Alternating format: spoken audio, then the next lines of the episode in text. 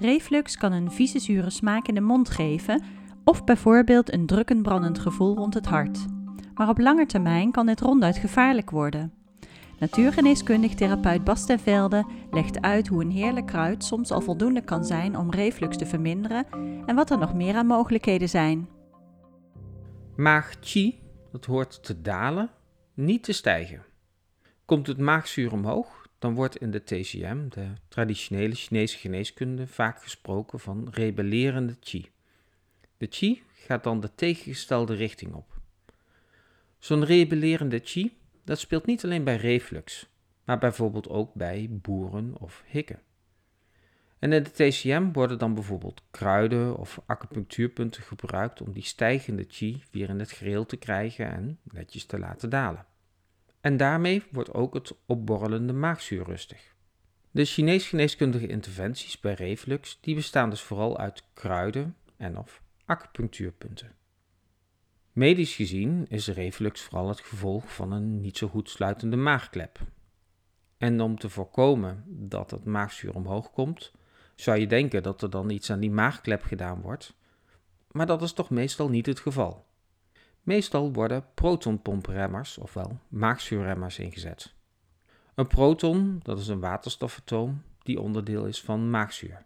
Want maagzuur, dat is waterstofchloride. Dus zo'n koppel van zo'n proton en een chlorideatoom. In de wand van de maag daar zitten zogenaamde protonpompjes, ofwel kliertjes die maagzuur aanmaken. En medicijnen zoals omeprazol of lansoprazol, die kunnen de aanmaak van maagzuur remmen door de werking van die kliertjes te vertragen. Minder maagzuur betekent dat het maagzuur minder makkelijk omhoog komt en dus dat de reflux afneemt. En het is belangrijk om die reflux onder controle te houden. Ik heb al diverse cliënten in mijn praktijk gehad die langdurig last hadden van reflux. Vaak wel meer dan 10 jaar geleden. En waarbij nu slokdarmkanker is vastgesteld. Dus al die jaren dat het maagzuur omhoog kwam, Erin is de slokdarm geïrriteerd geraakt, gaan ontsteken en vanuit die chronische ontstekingen kunnen uiteindelijk ook tumoren ontstaan. Nou hebben we allemaal wel eens dat er wat maagzuur omhoog komt. Bijvoorbeeld als we misselijk zijn. Het slijmvlies in de slokdarm kan zo'n sporadische oprisping echt wel aan. Zolang het maar niet dagelijks en gedurende lange tijd is. Lastiger is het als die maagklep dat klepje tussen de maag en de slokdarm niet goed sluit. Ga je liggen, dan voel je eigenlijk meteen dat er wat maagzuur omhoog komt. En de meest gebruikte oplossingen hiervoor zijn dus maagzuurremmers. Maar je zou ook half zittend uh, kunnen slapen of uh, op een uh, linkerzij gaan liggen terwijl je slaapt. Ja, nou moet ik er niet aan denken om de hele nacht in één houding te liggen. En maagzuurremmers, ja, daar ben ik eigenlijk ook niet zo dol op. Want maagzuurremmers die geven op de lange termijn kans op eh, tekorten aan vitamine B12, calcium, magnesium en ook ijzertekort. Ze vergroten daarmee de kans op bijvoorbeeld osteoporose. En door het verminderen van maagzuur kan ook de vertering moeilijker gaan. Vandaar dat maagzuurremmers kunnen leiden tot klachten als flatulentie, diarree, misselijkheid, buikpijn en andere spijsverteringsklachten. Dus maagzuurremmers dat is niet zo fijn. De hele nacht in een houding liggen, dat is ook niet fijn. Maar een tumor in je slokdarm, dat is helemaal niet prettig. Laten we dus eens kijken welke opties er nog meer mogelijk zijn. Een flinke buik en veel overgewicht helpen natuurlijk niet.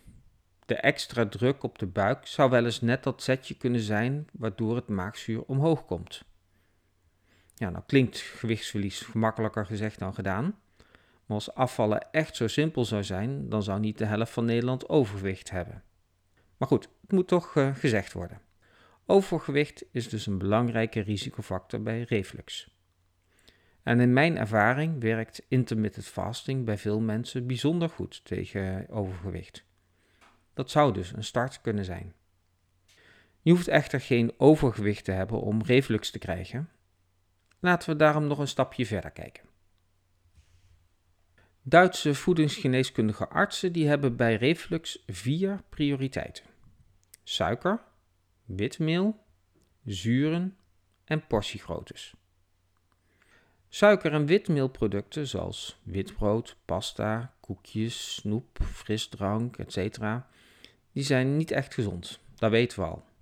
Maar ze kunnen ook de kracht van de maagklep met wel 30% verminderen. En bij een goed werkende maagklep dan merken we dat niet zo. Maar is die maagklep al verslapt, ja, dan is het belangrijk om er goed voor te zorgen. Heb je reflux, stop dan eens twee maanden met suiker en witmeel. Wellicht is dat al voldoende om van die reflux af te komen. Bovendien kan het ook nog helpen om overtollige kilo's te verliezen.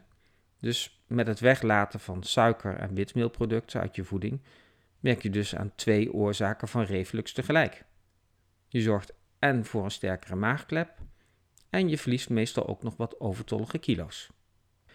De derde prioriteit in de Duitse voedingsgeneeskunde, dat zijn zuren. En daarmee bedoel ik zure levensmiddelen. Want dat zuur kan de maag extra zuur maken en zo oprispingen en reflux versterken.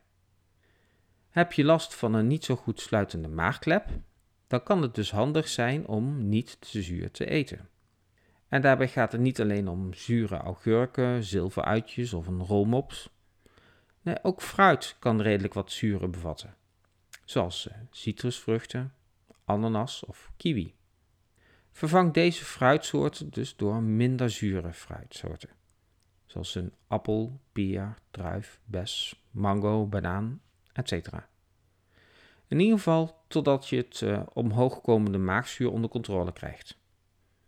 En heb je geen last van reflux, ja, laat je dan niet door het zuur in het fruit ontmoedigen en eet gevarieerd. Dan kan een sinaasappel, een kiwi of een ananas op zijn tijd echt geen kwaad. En de laatste prioriteit in de Duitse voedingsgeneeskunde, dat zijn portiegroottes. Eet bij voorkeur vijf of zes kleinere maaltijden verspreid over de dag heen. Dan wordt er namelijk minder maagzuur ineens aangemaakt en komt er dus ook minder snel maagzuur omhoog. Maar de oplettende luisteraar die hoort nu dus het totaal tegenovergestelde advies als eerder, namelijk dat over intermittent fasting. Want bij intermittent fasting probeer je zoveel mogelijk tijd tussen de maaltijden te krijgen. En als je het eten in kleinere porties eh, verdeelt, dan doe je dus precies het omgekeerde. En voor de een werkt intermittent fasting beter, en voor de ander zijn het die kleinere porties. En je kunt zelf het beste voelen wat goed voor je werkt. Dus niet de theorie is belangrijk, maar waar jij baat bij hebt. En dan zijn er nog heel veel andere mogelijkheden. Zo kunnen we bijvoorbeeld de maag tot rust brengen met zoiets heerlijks als anijs. En dan niet met die anijs met zo'n suikerlaagje eromheen, die hier rond geboortes op een ehm, beschuitje strooit. Nee, gewoon echt pure anijs. Of de nog krachtigere steranijs. Dat is een geweldig kruid om de maag tot rust te brengen. Als er bijvoorbeeld spanning of stress, als die de belangrijkste oorzaak zijn van de reflux. Zelf meng ik steranijs dan vaak met wat andere kruiden voor door een thee. Maar ook in onze keuken heb ik een zelfgemengde mix van Chinese five spices staan. En voor door het eten. En ook deze, eh, in deze five spices mix, daar zit steranijs. En die kruidenmix die is bijvoorbeeld heerlijk voor door een curry. En zo zijn er uh, nog andere kalmerende kruiden. Maar je zou ook mineralen kunnen inzetten of drukpunten om die reflux te verminderen. Wil je daar meer over weten? Kom dan 22 april naar Maries Kruidentuin in Beekbergen. Dan geef ik een lezing over maagproblemen, zoals boeren, hikken, reflux, brandend maagzuur en een langdurig opgeblazen gevoel. En ook de Helicobacter pylori komt dan aan bod. Aanmelden kan via www.maris.nl. In de volgende podcast leggen we de Helicobacter pylori onder het vergrootglas. Wat is dit voor beestje en is dit echt de oorzaak van zoveel maagklachten? Abonneer je als je geen aflevering wilt missen.